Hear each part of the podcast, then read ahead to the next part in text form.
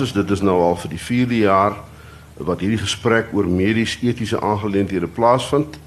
Uh en ons is baie bly dat dit weer kan gebeur. Dit uh word volledig moontlik gemaak deur 'n ruimskootse borgskap van Dr Edwin Hertzog wat vanmiddag weer in die gehoor is saam met die Medikliniek uh, korporasie in Suid-Afrika en ons wil opnuut van die geleentheid gebruik maak om vir hom baie dankie te sê uh vir die ruimhartigheid om hierdie geleentheid wat altyd baie interessante gesprekke oplewer moontlik te maak.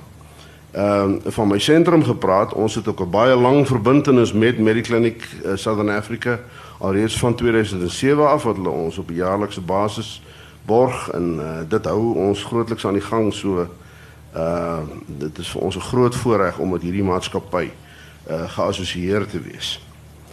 Ehm um, vanmiddag is ons onderwerp van bespreking die hele kwessie van etiese probleme wat spesifiek voortspruit uit privaat gesondheidsorg en met name gesondheidsorg in privaat hospitale. Ek hoef u ehm um, nie te herinner dames en here dat privaat hospitale sleutelspelers is in die voorsiening van gesondheidsorg in Suid-Afrika en elders uh, in die wêreld nie. Ehm um, net wat met die met die kliniek betref, kan ek ek het hier so 'n paar syfers, ek gaan nie almal vir u noem nie, maar ondernemers soos met die kliniek, dis my uh inligting van so 'n jaar of 2, 3 gelede, het 49 hospitale in Suid-Afrika, ek dink dis waarskynlik nou al meer, 3 in Namibië, 14 in Switserland uh en twee hospitale en agt klinieke in Dubai. So hulle is werklik 'n speler wat wat internasionaal uh, uh aan die gang is. En ehm um, 'n ander interessante syfer wat jy miskien sal interesseer is dat Mediclinic vandag die 6de grootste genoteerde privaat hospitaalmaatskappy ter wêreld is. Ehm um, maar soos alle afdelings van gesondheidsorg is privaat hospitale en privaat mediese dienste onderhewig aan van tyd tot tyd ertergende uh, etiese probleme. En dis oor 'n paar van daai probleme wat ons vandag gaan praat. Laat ek net in die algemeen sê die 20ste eeu sal vir baie dinge onthou word. Een daarvan is vir die herlewing van kom ons noem dit nou maar die wetenskap, die dissipline van mediese etiek. Mediese etiek is aan die een kant een van die heel oudste dissiplines in ons ganse kultuur. Hippokrates het nog gelewe voor Sokrates en uh, hy het al die eerste eed geformuleer in 'n hele tradisie van gesondheidsorg uh, aan bod gebring. Maar wat wat in ons wat in die vorige eeu gebeur het, veral sedert die 60er jare in die naderdraai van die Tweede Wêreldoorlog, uh was die was die hernuide oplewing van die wat nou genoem word bioetiek meer as mediese etiek. Uh en wat samehang veral met die nuwe tegnologieë, die nuwe geneesmiddels en 'n hele reeks van uh probleme wat opgeroep is deur die heel merkwaardige mag wat uh wat die mediese wetenskap uh, verwerf het. Al 100 jaar gelede was dit eintlik 'n relatief gevaarlike ding om na 'n dokter toe te gaan. Jy kan maar vir my glo. Dis 'n relatief geval. Hy het die verskriklikste goed soms met mense aangevang. En dit het in 'n eeu se tyd totaal verander na na een van die wonderlikste dinge wat met ons gebeur het.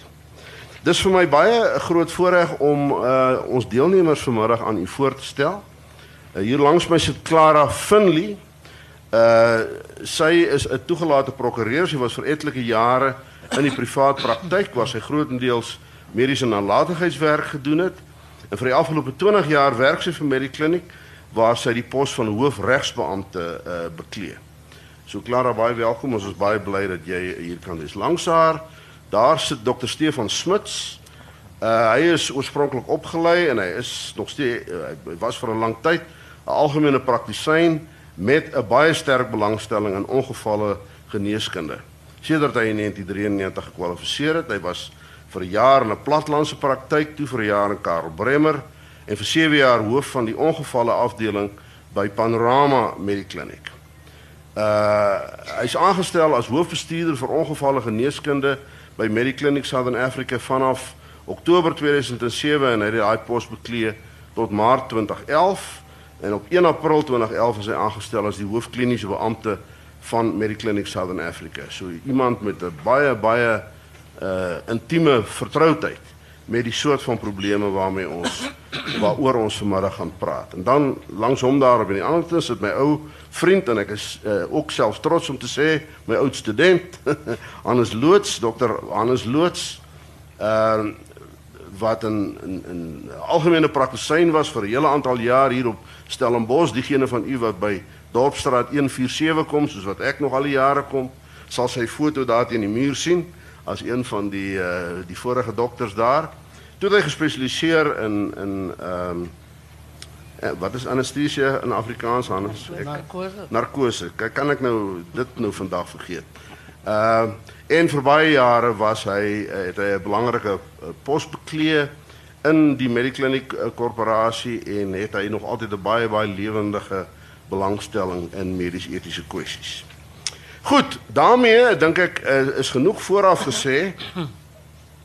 En wil ek is uh, uh al wat ek mag gaan doen is ek gaan 'n paar vrae stel. Uh miskien hier en daar uh jy weet ietsie tussenin gooi in die gesprek. Ek gaan die vraag aanvanklik aan 'n bepaalde individu rig, maar hulle ons het vooraf ook gereël dat hulle is welkom om enige tyd in te kom uh en aan die gesprek deel te neem. En as ons uh, so min of meer deur ons basiese vrae werk het, ons dan maar sien wat die tyd doen dan ehm uh, uh, dan gaan ons ook vir u geleentheid gee om vrae te stel en deel te neem uh, aan die gesprek. So onthou nou ons fokus is spesifiek etiese probleme wat te maak het met die private uh uh gesondheidsorgstelsel. Ek gaan maar begin by Johannes daar aan die ander kant uh, met die vraag hoe behoort hospitale in die private sektor die kwessie van beperkte beddens en veral beperkte toegang tot intensiewe eenhede te hanteer. Ons weet almal dat veral die toegang tot intensiewe eenhede is 'n geweldige taai probleem oral in die gesondheidsdienste en met name ook in die privaat praktyk. Miskien kan jy vir ons 'n bietjie daarmee help. Ja, baie dankie Anton en um, dankie vir u wat die sessie bywoon. Ek wil die eerste punt maak deur te sê 'n vol hospitaal is 'n gevaarlike plek. En dit is nie ons strewe om 'n hospitaal vol of oorvol te maak nie. Die dieselfde geld natuurlik vir intensiewe sorg en intensiewe behandeling van pasiënte. Nou die een laat ek nog byvoeg dat bedbestuur in 'n private hospitaal is meer as 'n voltydse voltydse werk vir meer as een persoon. En dit neem geweldig baie tyd en kundigheid en aandag in beslag om seker te maak dat ehm um, hospitaalbeddens beskikbaar is uh op 'n gereelde en op aanvraag basis. Nou skiet tog net. Dit mag makliker klink as wat dit werklik is. om terug te kom na die um, soos jy natuurlik nou weet, 'n hospitaal is mos maar verdeel in komponente en in sekere in sekere sale waarin pasiënte vir sekere tipe sorg uh, moet lê. En die bedbesprekingsstelsel word hoofsaaklik gedryf deur die dokter se behoeftes. En daarom kry dokters dan in 'n hospitaal uh, sekere tye waarop hulle opereer in die oggend of in die middag en die beddens word dan dienooreenkomstig aan hierdie dissiplines op 'n georganiseerde basis toegeken. Skiet hom, maar dit is nie juist die probleem nie. Die probleem kom wanneer die intensiewe sorg vol is en daar nou 'n nood situasie ontstaan waar 'n pasiënt in die intensiewe sorg toegelaat moet word. Nou 'n intensiewe sorg eenheid is veronderstel om 'n eenheid van uitnemendheid te wees. 'n Center of Excellence. En dit bring mee dat ehm um, daar 'n groot behoefte is aan die regte soort staf, die regte soort personeel om die verskillende vlakke van 'n intensiewe sorg te beheer en die pasiënte te versorg. Jy moet ook verstaan dat pasiënte wat in 'n intensiewe sorg toegelaat word, val nie almal in dieselfde kategorie nie. Daar is sekere kategorieë van pasiënte in 'n intensiewe sorg wat meer aandag as ander nodig sou en daarom is daar 'n sekere prioriteit in die in die intensiewe sorg. Die een ding wat ons in die private hospitaal sektor nie kan toepas nie, is rasionalisering. Rasionalisering mag dalk 'n uitkoms wees in die staatssektor en dit word wel in sekere omstandighede gebruik, maar in die private sektor kan ons nie ehm uh, rasionalisering toepas nie. Ons is verplig en dit is ook ons doel om die gemeenskap waarin die hospitaal is te dien en om pasiënte in die hospitaal op te neem in soverre dit moontlik is. So om beddens te bestuur in 'n intensiewe sorg wat ehm um, wat op 'n uh, daaglikse basis eintlik sekere vereistes het is heel wat makliker as om hierdie toestand van 'n vol intensiewe sorg met 'n ekstra pasiënt wat nou daar opdaag en wat redelik ingewikkelde en redelik toepaslike me mediese sorg nodig het. En dit maak dat daar heelwat ehm um, interaksie moet plaasvind. Dit kan nie sonder meer maar net gebeur dat daar nog 'n bed in die intensiewe sorg ingestoot en ingeprop word nie. Omrede van daar is 'n hele 'n battery van van apparatuur nodig om 'n pasiënt in die intensiewe sorg te kan versorg. Die ander belangrike ding is daar moet genoeg personeel wees. Dit help nie om ekstra pasiënte selfs in 'n intensiewe sorg met kapasiteit toe te laat as daar nie die toepaslike hoeveelheid opgeleide verpleegsters en verpleegsusters is nie. So daar moet seker gemaak word dat daar wel 'n bed is vir die pasiënt En dan moet seker gemaak word dat daar die regte personeel beskikbaar is om hierdie pasiënte te versorg. En soos ek al aan die begin gesê het, prioritisering speel wel 'n rol hier. Pasiënte wat moet geventileer word, kunsmatig asemhaling moet kry derentyd, het natuurlik die intensiewe sorg miskien meer nodig as 'n pasiënt wat al mobiel is en kan beweeg. En dit is waar ons dan met die dokters konsulteer en ons kyk dan watter pasiënte in die intensiewe sorg kan ons miskien na 'n minder afdeling van versorging oorplaas. Nou dit dit moet altyd en word altyd in samewerking met die behandelende dokter gedoen gedoen word. Dit kan nie anders anders gebeur nie. En dit is gewoonlik so dat daar wel op 'n manier 'n plan gemaak kan word om 'n ekstra noodpasiënt in die intensiewe sorg te akkommodeer. nou, baie keer is dit nodig as daar regtig geen ander plan te maak is en dit is vir Stefan hulle dikwels 'n groot kopseer en dit is om die pasiënt in die te los. Want die noodeenhede is redelik amper soos 'n intensiewe sorg of selfs baie keer beter of meer ingerig om akute nood te behandel en te bestuur.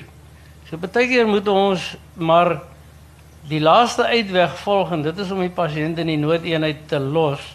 Wat natuurlik meebring dat daar nou iewers vanaf personeel moet verskuif word om na hierdie pasiënt uh om te sien want die noodeenheid uh personeel het alreeds genoeg werk om te doen. Die ander manier is om pasiënte oor te plaas na 'n nabygeleë hospitaal. Nou, u sal onthou met die oorstroming van ons hospitaal in Somerset Wes was dit nodig om die hele hospitaal se pasiënte oor te plaas na ander hospitale toe. So van tyd tot tyd is dit nodig dat ons 'n pasiënt moet verskuif van die een intensiewe sorg na 'n ander een om dan vir 'n spesifieke rede plek te maak vir die pasiënt ehm um, wat nou die nood wat in 'n noodsituasie die intensiewe sorg nodig het.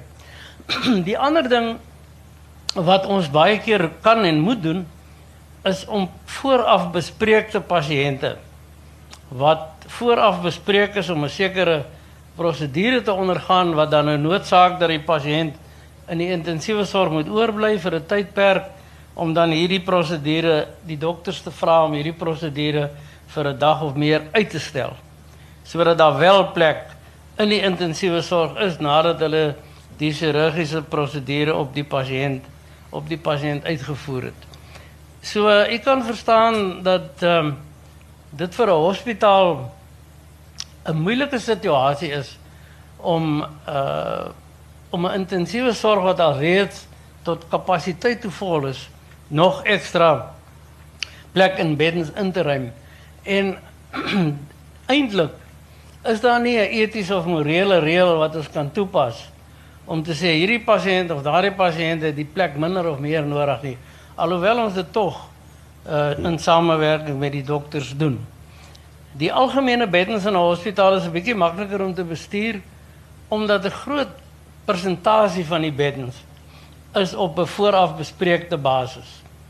Nou wanneer 'n vooraf bespreekte bed ingeneem word deur 'n noodgeval in die saal of waar ook al, dan bring dit natuurlik die volgende dag wanneer die pasiënt wat eintlik in daai bed moes lê, opdaag vir sy chirurgie en nou is daar nie 'n bed nie. En dit bring meer dat pasiënte soms vir ongemaklike tye moet wag iewers in die hospitaal. En terwyl die pasiënt in die hospitaal is, is die hospitaalowerheid en die hospitaalbestuur natuurlik verantwoordelik vir die pasiënt. Want ons kan nie die pasiënt maar net daar iewers in 'n gang of in die voorportaal laat sit sonder dat ons as 'n hospitaal verantwoordelikheid neem vir die pasiënt. So jy kan verstaan dat hierdie ook 'n netelige posisie is wat ons ten alle koste eintlik so ver as moontlik wil probeer vermy. Anders kan ons maar kan jy maar uh, jy weet ons moet net nog rekeninge met die ander vrae ja, so jy moet net gou goed laat. Is jy is ja, jy, jy genoeg sê? Ja, ja. goed, baie dankie. Goed, Ek gaan hier vanaand beweeg. Ekskuus, wil jy Stefan ja. Uh, en daar sien daar sien hele kompleksiteit. Ek dink um, net aanhaak by wat Hannes gesê het is dat die realiteit dikwels is dat daar wel beddens in die hospitaal is, maar die mediese fonds reëls rondom waar daai pasiënt toegelaat mag word dikwels ook 'n bepalende faktor ja. is. So nou moet daai pasiënt geskuif word na 'n ander toegewyde hospitaal. Ja. Dit het nie noodwendig te doen met die bedtekort nie, maar die praktiese realiteit van daai pasiënt wat by daai hospitaal is moet nou geskuif word. So ja. Dis nie altyd sodanig net die bedtekort wat 'n probleem ja. skep vir die pasiënt en vir die span wat moet kyk na daai pasiënt nie. Ja. Anders het nou gepraat van uh, soms het Wesot oorstroom en kan jy glo dat die Weskaap ooit so baie water gehad het dit hospitaal genoot. Ekskuus, wil jy ook ingekom het laat? Nee, ek wou sê daar's nog 'n aspek um, uit 'n suiwer lisensiëringsoogpunt wat mense moet in gedagte hou. So die die maklikste oplossing is bou nog beddens. Jy weet sit nog ehm um, intensiewe sorg eenheid beddens by of wat ook al. Maar 'n hospitaal is ge, is 'n gelisensieerde besigheid en die lisensie is afkom, afkomstig van die departement gesondheid. So as mens 'n nuwe bed wil bysit, saal wil bysit, teater wil bysit, moet mense aansoek bring by die departement en hulle kyk holisties na 'n dorp of 'n gedeelte van die provinsie en kyk byvoorbeeld hoeveel van daai tipe van beddens is daar in beide privaat en staatsgesondheid. So die druk is dalk kom ons sê argumentsontaal by Medical Stellenbosch, maar daar's genoeg hospitale in die staatssektor of genoeg beddens in die staatssektor. So mense moet dit ook in gedagte hou met daai somme. Klaar terwyl jy nou aan die woord is, gaan ek die volgende vraag in die eerste plek aan jou rig. Uh en dit gaan oor einde van lewensorg. Uh wat wat is die spesifieke uitdagings wat einde van lewensorg deesdae bied? En vir jou as regsgeleerde, miskien is Suid-Afrika se wetgewing toereikend wat uh, wat daai aspek betref. Ja, dis ook 'n vraag waaroor ons seker 'n 3 weke kongres kan oh. hou. Dis 'n 'n komplekse wêreld.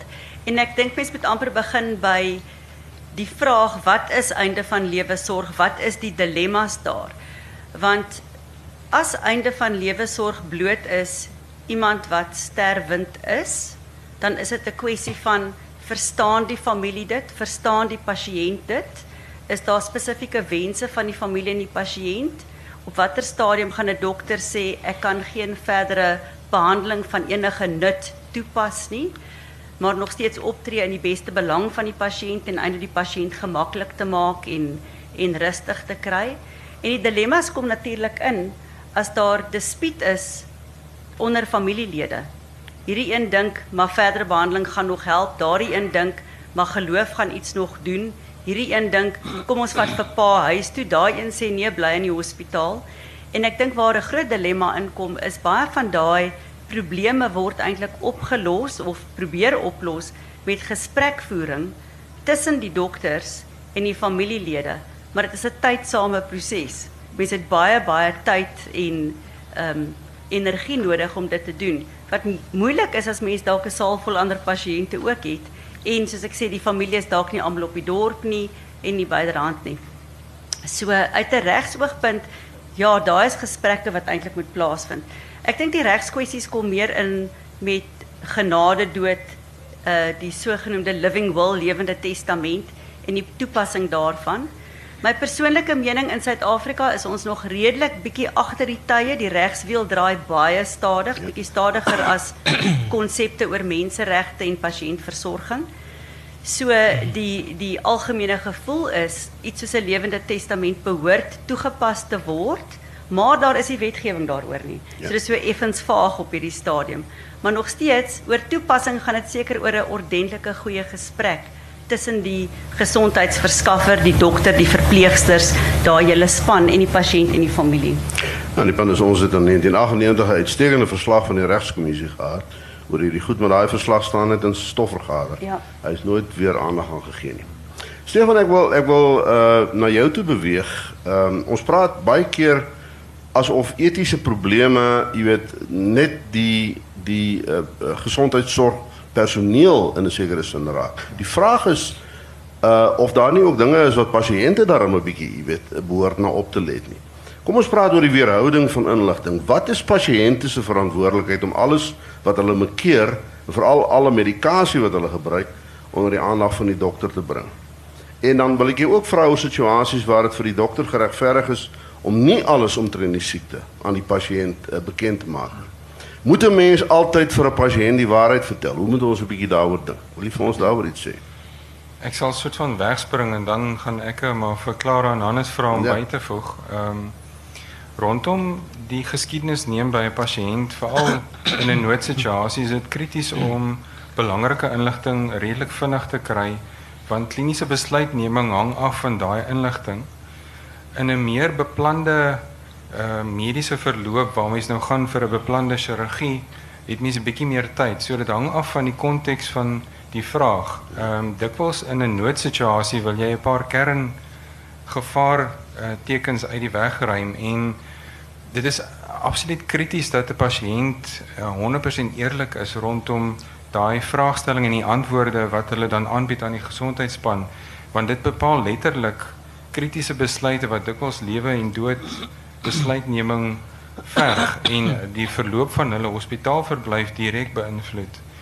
Rondom beplande chirurgie is daar altyd darmie geleentheid om gesprekvoering te hê met die dokter wat die ehm um, pasiënt verwys het sien maar na die ortopediese chirurg vir die chirurgie om te hoor wat is die kroniese medikasie of is daar enige onderliggende toestande.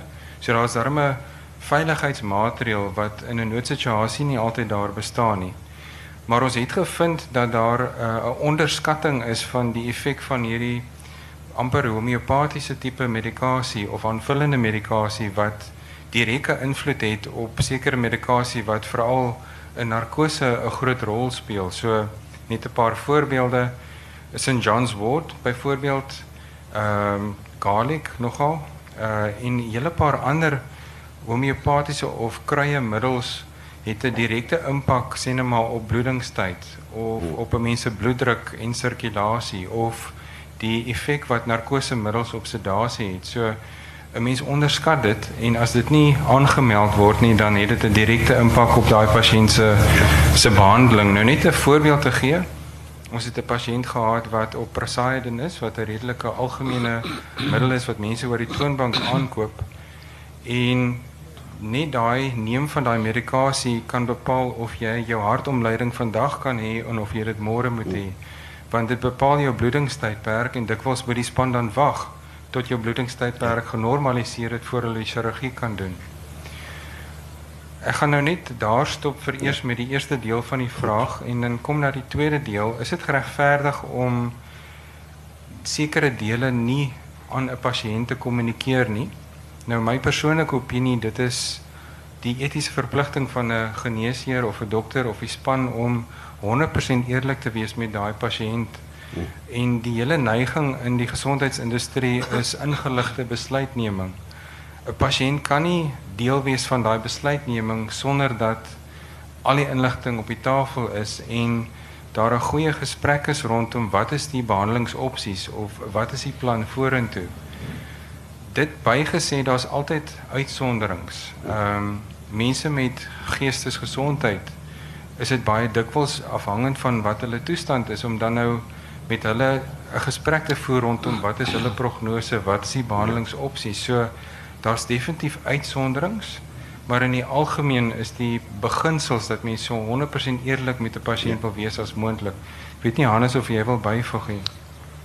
Ja, ek um, ek wil net noem pasiënte vergeet baie keer om te sê hulle drink aspirien of hulle drink anti-inflammatoriese middels.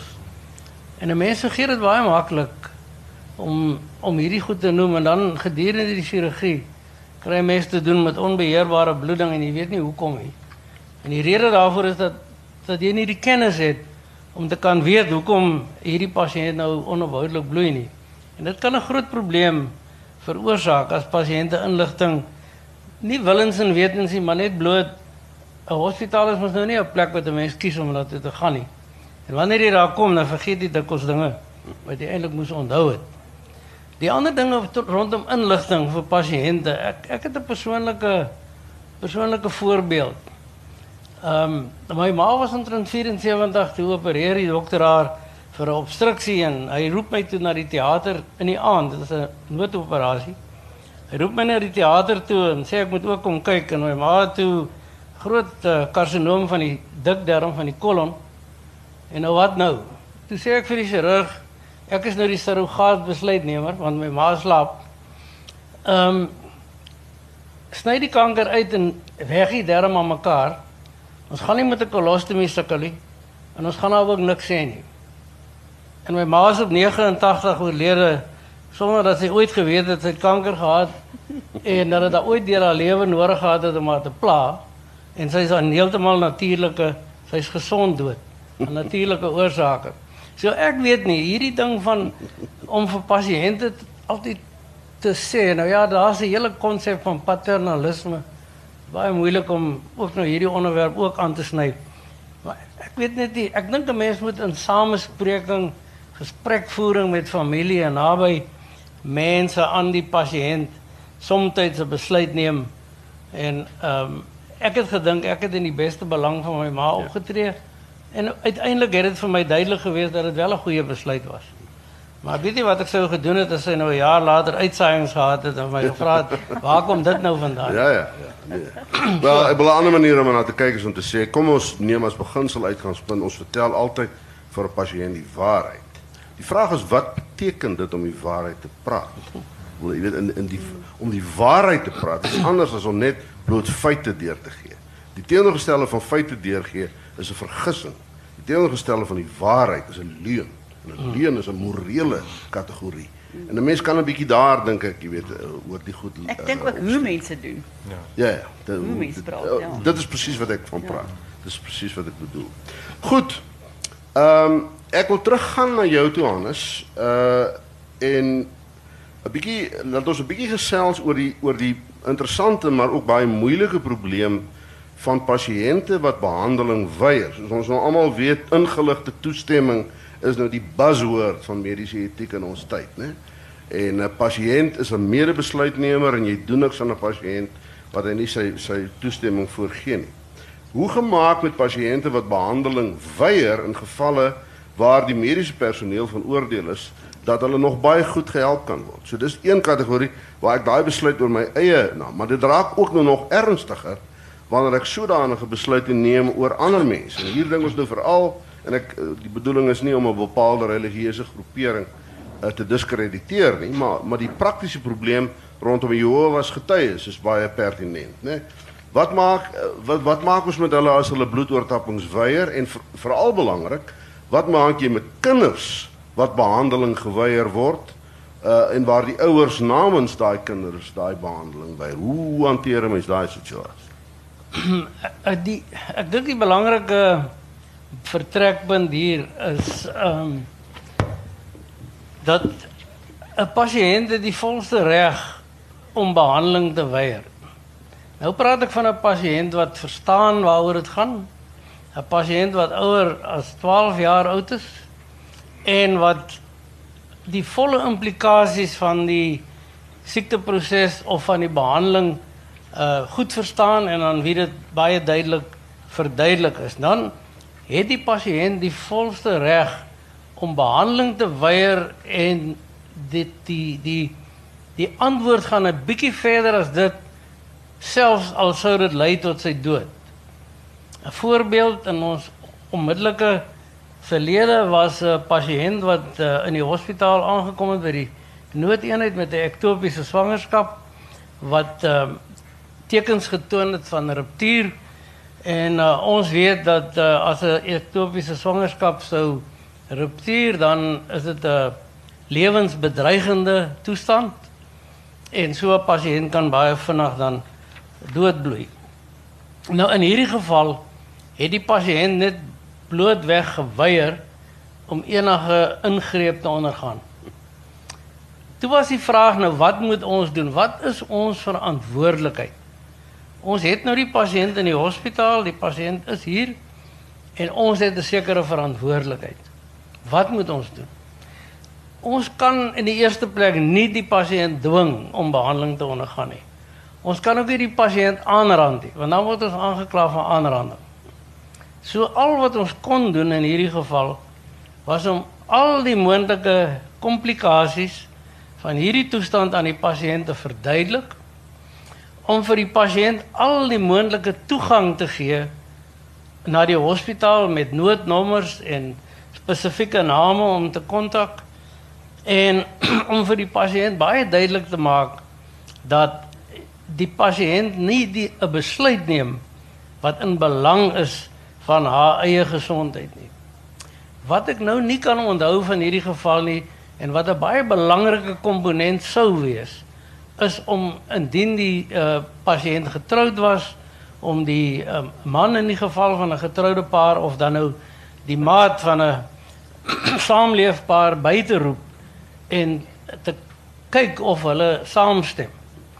En uh, dit sal dan so 'n besluit nou meer gewig gee.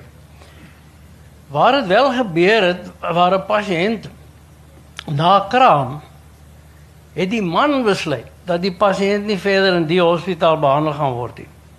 Die pasiënt het nie noodwendig die behandeling geweier nie. Maar die man en die ginekoloog verloskundige hulle het stry gekry en dit was 'n onaangenaamheid en hy het sy vrou onmiddellik na kraam uit die hospitaal uitgeneem en hy het met die pasiënt verdwyn. Hy het ook heelwat foto's geneem van die omgewing waarin die pasiënt was. Met ander woorde, beddens wat bietjie bebloed was en die soort van ding soos na 'n kraam gebeur. Nou wonder 'n mens, wat gaan hy met die foto's doen? Waar gaan hy met hierdie pasiënt heen? Ehm um, daar is geen manier dat ons hulle kan voorkeer in hegtenis neem of hulle stop nie. Hulle het die reg om hierdie besluit te neem. Al wat ons gedoen het is om al die hospitale in die omgewing te kontak en hulle te waarsku dat so 'n pasiënt dalk daar mag mag opdaag en om dan die nodige aandag aan hulle te gee. So by 'n autonome pasiënt wat oor selfbeskikking uh uh besluit, het ons eintlik baie min kan ons eintlik baie min doen. Wanneer kinders uh is onder die ouderdom van 12 jaar, jy weet dat die wetgewing vir kinders hoër as die ouderdom van 12, hulle kan self besluit of hulle chirurgie wil ondergaan of nie of uh mediese behandeling. Maar in kinders onder 12 is daar ander prosesse wat gevolg kan word, 'n hele lang gesprek. Maar daar is moontlikhede waar ehm um, besluitneming waar die ouers se besluit indien dit nie in die beste belang van die kind is nie, kan oorheers word op verskillende maniere. Dan kan ons ons tyd nog meer daaroor uitwy. By Jehovah getuies ehm is die probleem in die nuwe wêreld nie eintlik so 'n vreeslike groot probleem nie. Vir 'n paar redes. Ek gaan net kortliks wees daaroor. Gewoonlik is Jehovah getuies baie meewerkend. Hulle is baie gemaklik om om saam te werk en om te doen wat hulle van hulle kant af kan doen om die situasie te vergemaklik. Veral die vol, ek praat van volwasse pasiënte. En daar is baie metodes waarmee ons sulke pasiënte kan voorberei uh vir chirurgie voor die tyd sodat hulle nie 'n bloedoortapping nodig het nie want dit gaan hoofsaaklik oor die kwessie van bloed eksogene bloedoortappings aan hierdie pasiënte. En ehm um, daar is ook sentra wat dan bereid is om Jehovah getuie pasiënte met enige soort probleem te hanteer en te behandel. En indien 'n dokter of a, of 'n uh, groep dokters dan nou besluit hulle wil nie eintlik met so 'n pasiënt dit uh, werk nie of wil nie die verantwoordelikheid neem nie, kan hulle die pasiënte altyd oorplaas na 'n plek toe waar daai soort uh, probleem maklik hanteer word. Daar's baie voorbeelde en baie interessante waarnemings rondom dit. Wanneer dit kom by kinders en dit het in die Suid-Afrikaanse um uh, regsgeskiedenis nou al vele kere gebeur wanneer dit 'n minderjarige is en dit is in lewensbelang van die kind dan word die ouers se besluit oorheers. Nie net in Jehovah getuies nie, maar ook in ander situasies.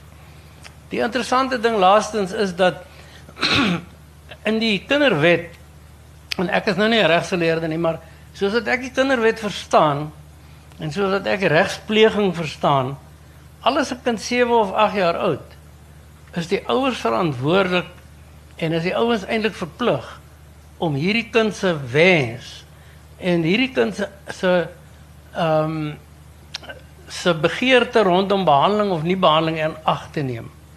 En weer eens as die kind maar net 'n inspuiting weier omdat dit seer gaan wees dan is dit nou nie geldig nie, maar as hierdie kind van 10 of 11 jaar of wat ook al sou wil nie chemoterapie ondergaan nie. En daar is voorbeelde wat ons kan aanhaal daaroor.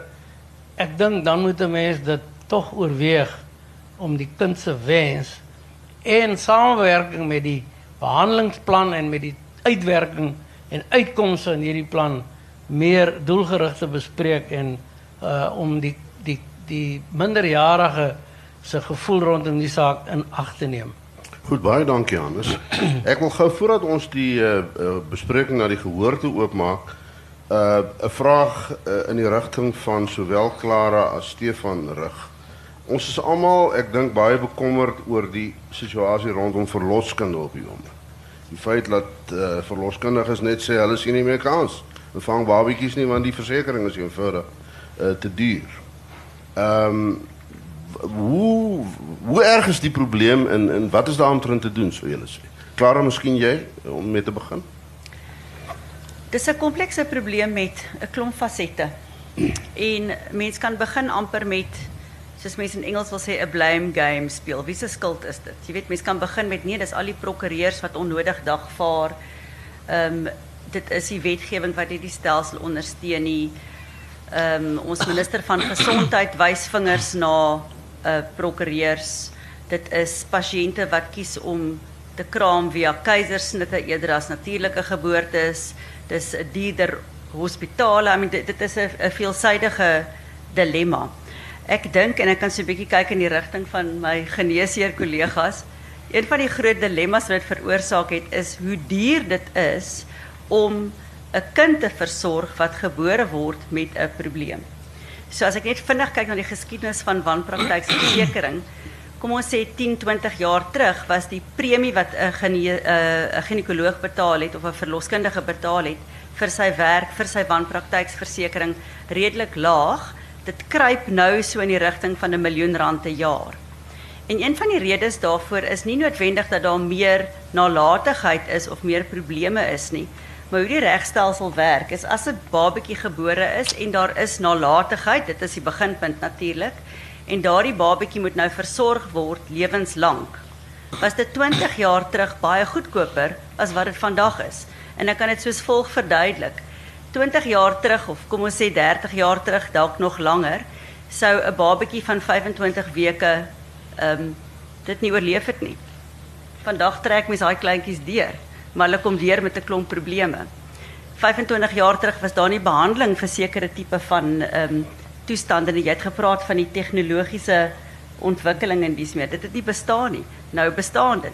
So 'n mens vat nou 'n pasiënt wat vir wie daar 'n klomp behandelings metodologie, praktyke ensovoorts is wat nie bestaan het in die verlede nie. Dit is geweldig duur. So presies dieselfde babatjie vandag teenoor 25 jaar terug kos dalk 10-20 miljoen rand meer om te versorg as 10, 20 jaar terug waar jy dalk net uh iemand gekry het om die babatjie op te pas het. Nou gaan jy vir al hierdie addisionele terapie. So tot 'n mate in jammer dokters dat dit hulle eie probleem veroorsaak met die ontwikkeling in mediese behandeling.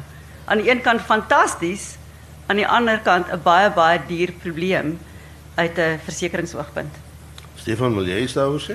Ja, ek dink Clara het dit eintlik baie mooi opgesom. Ek dink tog moet mens eienaarskap vat dat ehm um, mens moet probeer ten alle koste om veilige gesondheidsorg aan die pasiënt te bied en waar moontlik daai risiko van nalatigheid heeltemal weg te bestuur en te voorkom. Ek dink dis die basiese beginsel en ek dink Clara in ons gesprekke ondersteun daai beginsel want hoe hoe beter jy daai risiko bestuur en hoe beter jou pasiëntsorg is en hoe beter jy die komplikasies voorkom, hoe minder raak die risiko en minder raak die premie. So ek dink meeste van ons fokus in ons werk uh in samewerking met die ginekoloog is rondom daai risikobestuur en seker maak ons gesondheidsprosesse is reg.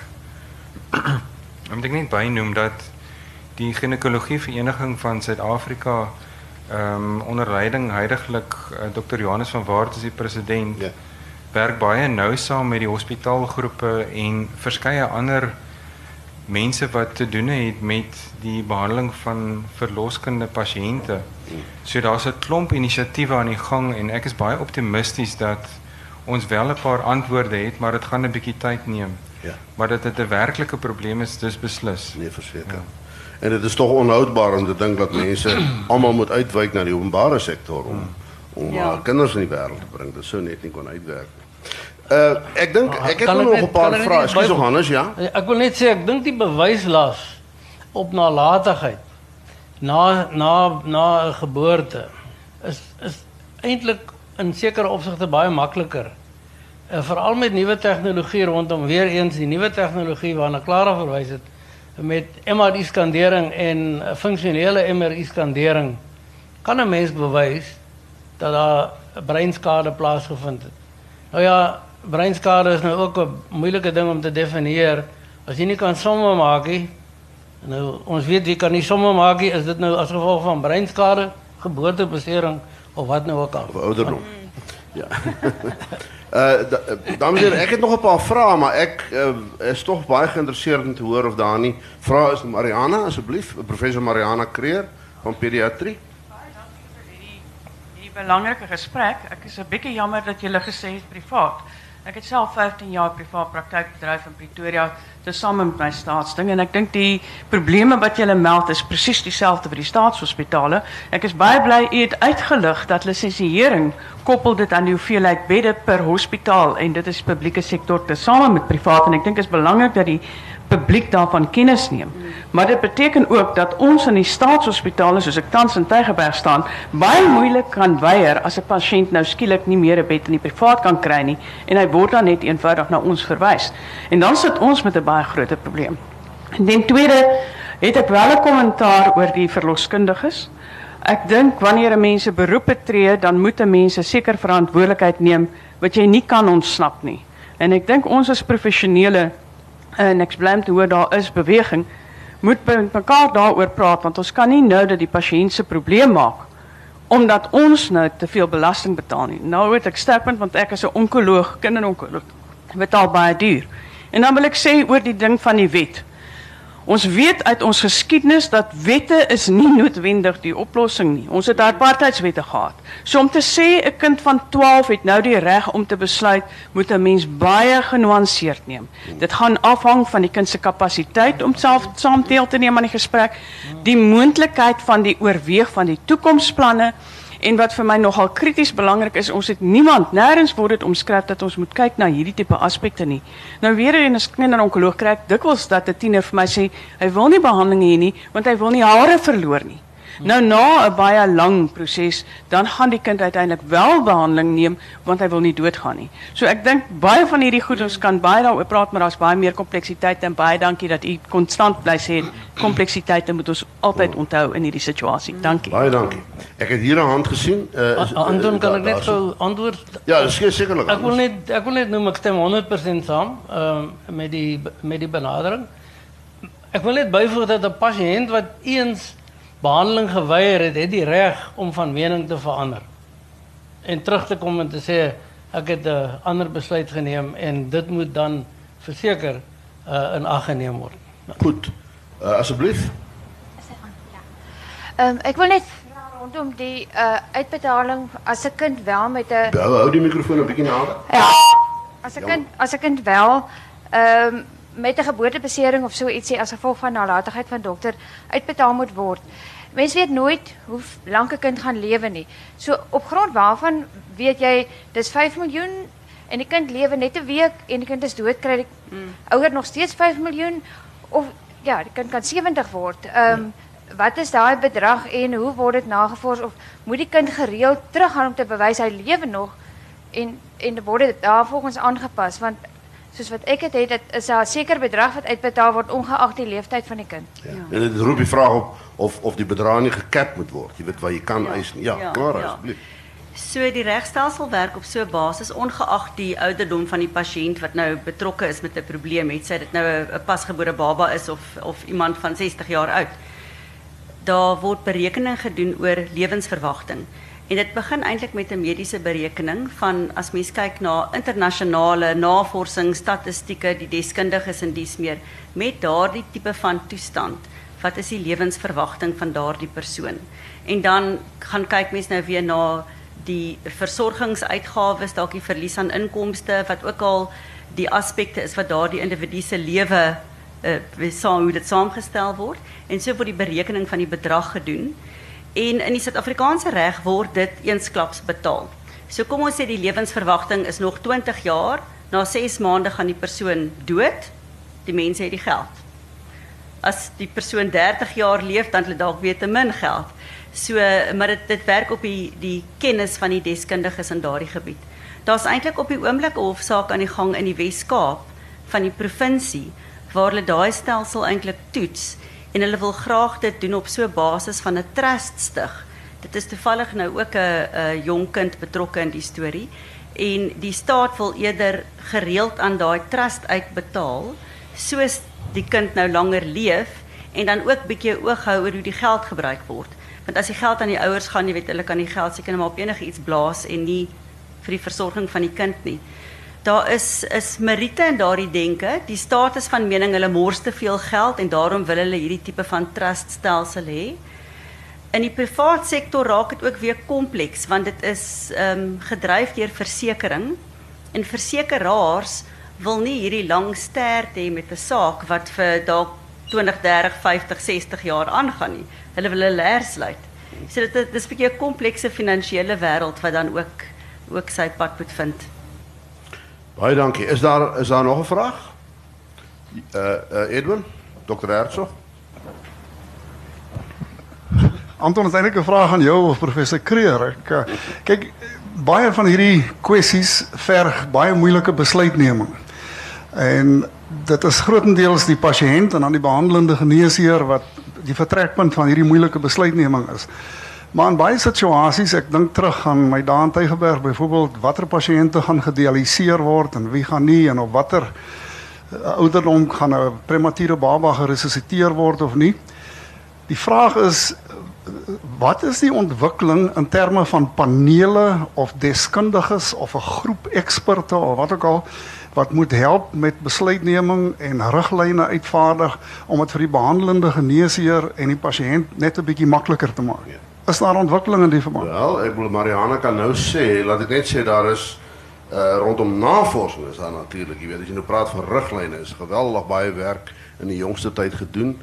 Uh rondom dinge soos dialyse is ek bewus van protokolle, redelik komplekse, jy weet, uitvoerige protokolle wat wat ek dink oor 'n breë front opgestel word wat tog daarom nou, nou nie altyd deurslaggewend nie, maar behoorlike leiding, jy weet, soort van kan gee. Maar Mariana staan nader aan die praktyk, laat sy liewer antwoord.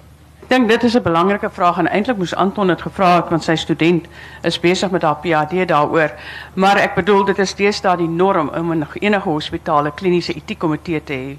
en wat dan onmiddellik beskikbaar is want ek bedoel jy kan hê soos die dialyse het baie goeie riglyne ons as kinderonkoloog het baie wat is standaardbehandeling vir watter stadium en wanneer besluit jy dis fetiele behandeling selfs met die premature Weskaap het sopas 'n nuwe ding uitgestuur vir staatshospitale oor watter kind babas mag in verwys word. So 'n baba onder 'n kilogram mag nie meer in verwys word na Tergerberg van buite nie. So daar's al hierdie riglyne reeds, maar dan sit jy nog steeds met die dilemma binne die hospitaal. En ek dink dan uh, wanneer want want die uh, almal die pasiënt, die familie, die dokter, almal het 'n subjektiewe belewenis van wat hulle dink is moontlik en so aan.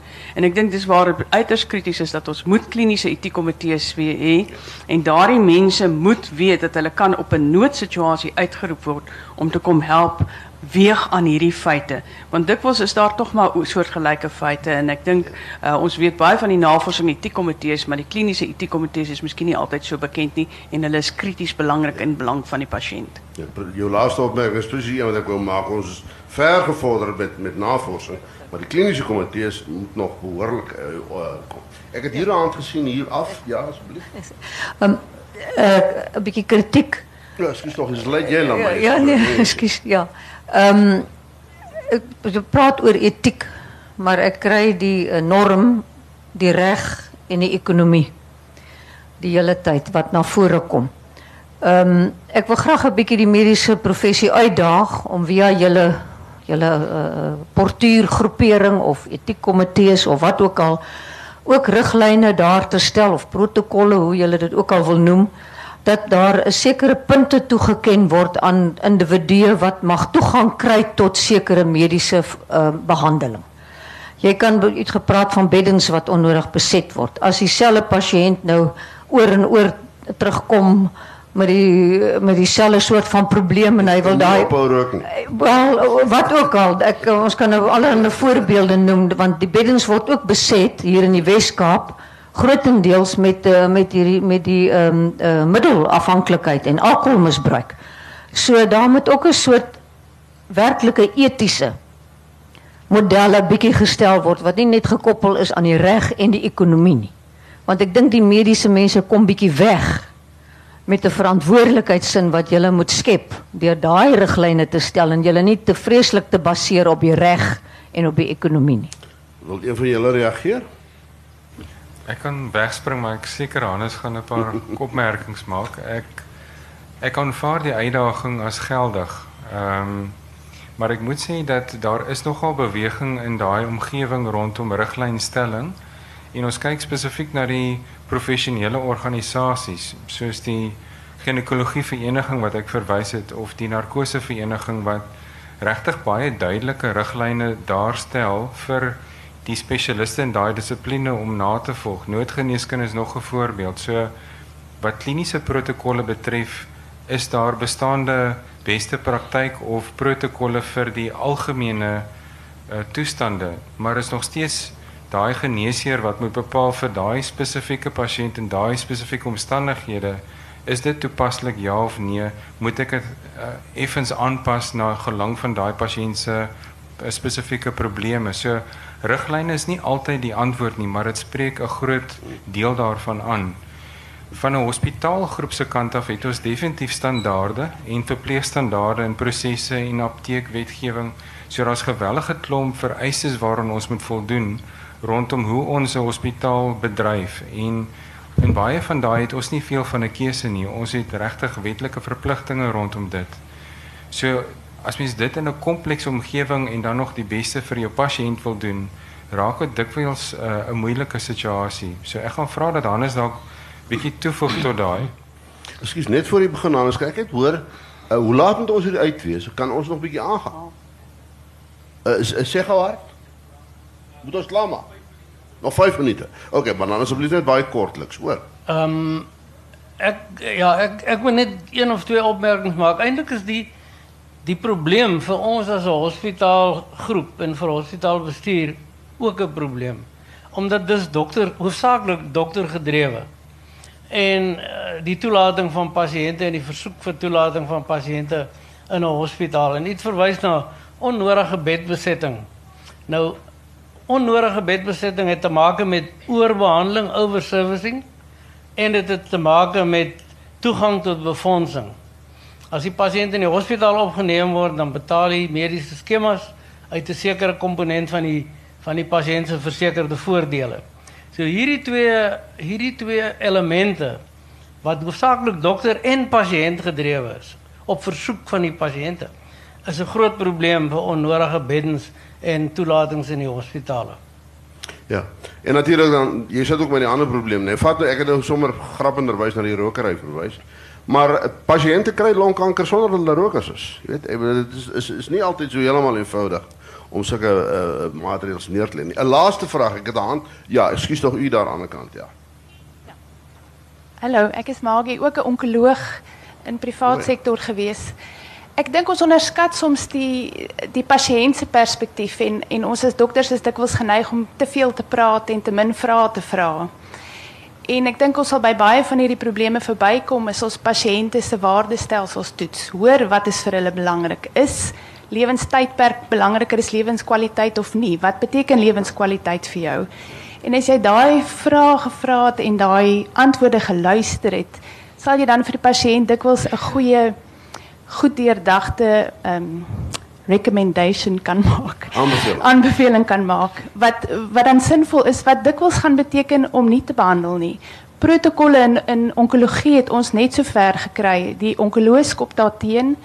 Ehm um, en pasiënte verstaan dit nie en die een belangrike ding wat hulle nie verstaan nie is die beperkings wat sekere medikasies het. Daar's almal hoop om op daai eindstertjie te wees, maar maar dikwels is dit nie die geval nie en pasiënte moet deeglik verstaan wat hulle prognose is en wat mens regtig kan beteken met watter behandeling ook al jy voorstel. En dan sal jy sinvolle besluite kan neem saam met die pasiënt. Baie dankie. Wil iemand reageer? Ek wil maar net noem dat pasiënt deelname word al hoe meer belangrik en gesamentlike besluitneming binne 'n groep van dokters en nie net enkele enkele oor en weer besluitneming in moeilike situasies tussen 'n pasiënt en 'n enkel dokter is gewens nie. Dit is beter om 'n groep eh, 'n uh, komitee besluit of 'n groep kom groep besluit te neem en pasiënt deelname en pasiënt verstaan van uh, wat presies moontlik is en nie moontlik is nie. Dit is van uiterste uiterste belang en word nagelaat. Sal u u vraag in twee sinne kan stel? Uh, uh asseblief die heel laaste vraag hier, hoor. Goeiemôre. Ek wil net weet, ons praat die hele tyd oor die regte van die pasiënt om behandeling te weier. Sekerlik het 'n geneesheer ook die reg om behandeling te uh, weier. Nie net die protokol wat die pasiënt graag wil hê nie, maar ook algeheel behandeling weier. Kankerpasiënt hou wil nie op 'n rook nie, bla bla bla al daai kers dinge. Wat is die dilemma wat die geneeskunde uh, geneesheer uh, in die gesig staar? Uh eties in van net 'n regsoogpunt. Ja, wel, asseblief laat ons hoor. die die die die geneesheer het die reg om 'n pasiënt sorg behandeling pasiënt uh, dokter verhouding op te breek en 'n pasiënt nie te behandel nie. Maar die dokter het nie die reg om die pasiënt te verlaat nie. Abandon.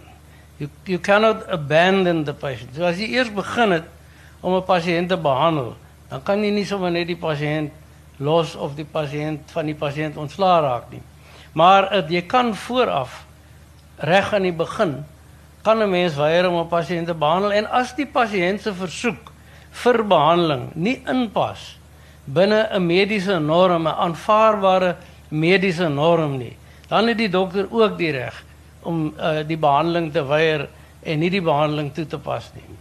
So as die pasiënt antibiotika versoek en die dokter is van mening dat dit geensins van toepassing is nie, en dat dit tot nadeel van die gemeenskap gaan wees tot uh, bejuiste probleme met antibiotika misbruik het die dokter die reg om hierdie behandeling vir die pasiënt te weier.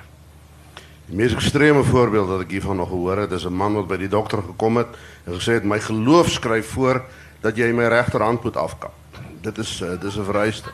Wat moet die dokter doen? Dit is wat ek wil hê, dis alwaar ek bereid is om te betaal. En die antwoord was nee, jy doen dit nie want dit is nie 'n mediese behandeling. Jy kan nie van 'n dokter verwag om iets te doen wat nie medies van aard is nie. Dames en here, ons het ons gesels verskriklik lekker en ek is baie jammer dat ons nou moet ophou. Uh jy's welkom om na die tyd nog 'n bietjie met ons uh gaste en ons paneellede uh 'n bietjie te kom gesels, maar ongelukkig uh, is hier nou 'n ander aktiwiteit aan die gang hierna, so ons sal moet uh, ons koers kry. Uh, dit laat my dit net vir my die baie aangename taak om vir al drie ons paneellede te sê baie baie dankie. Dit was vir my hoogs informatief geweest, maar baie dankie ook vir u almal wat vrae gevra het en wat so meegedoen het. Dit maak die interessant ja. die gesprek werklik uh, baie interessant. Sterkte en geniet die res van die woordfees. Baie dankie. Baie dankie. Ja, baie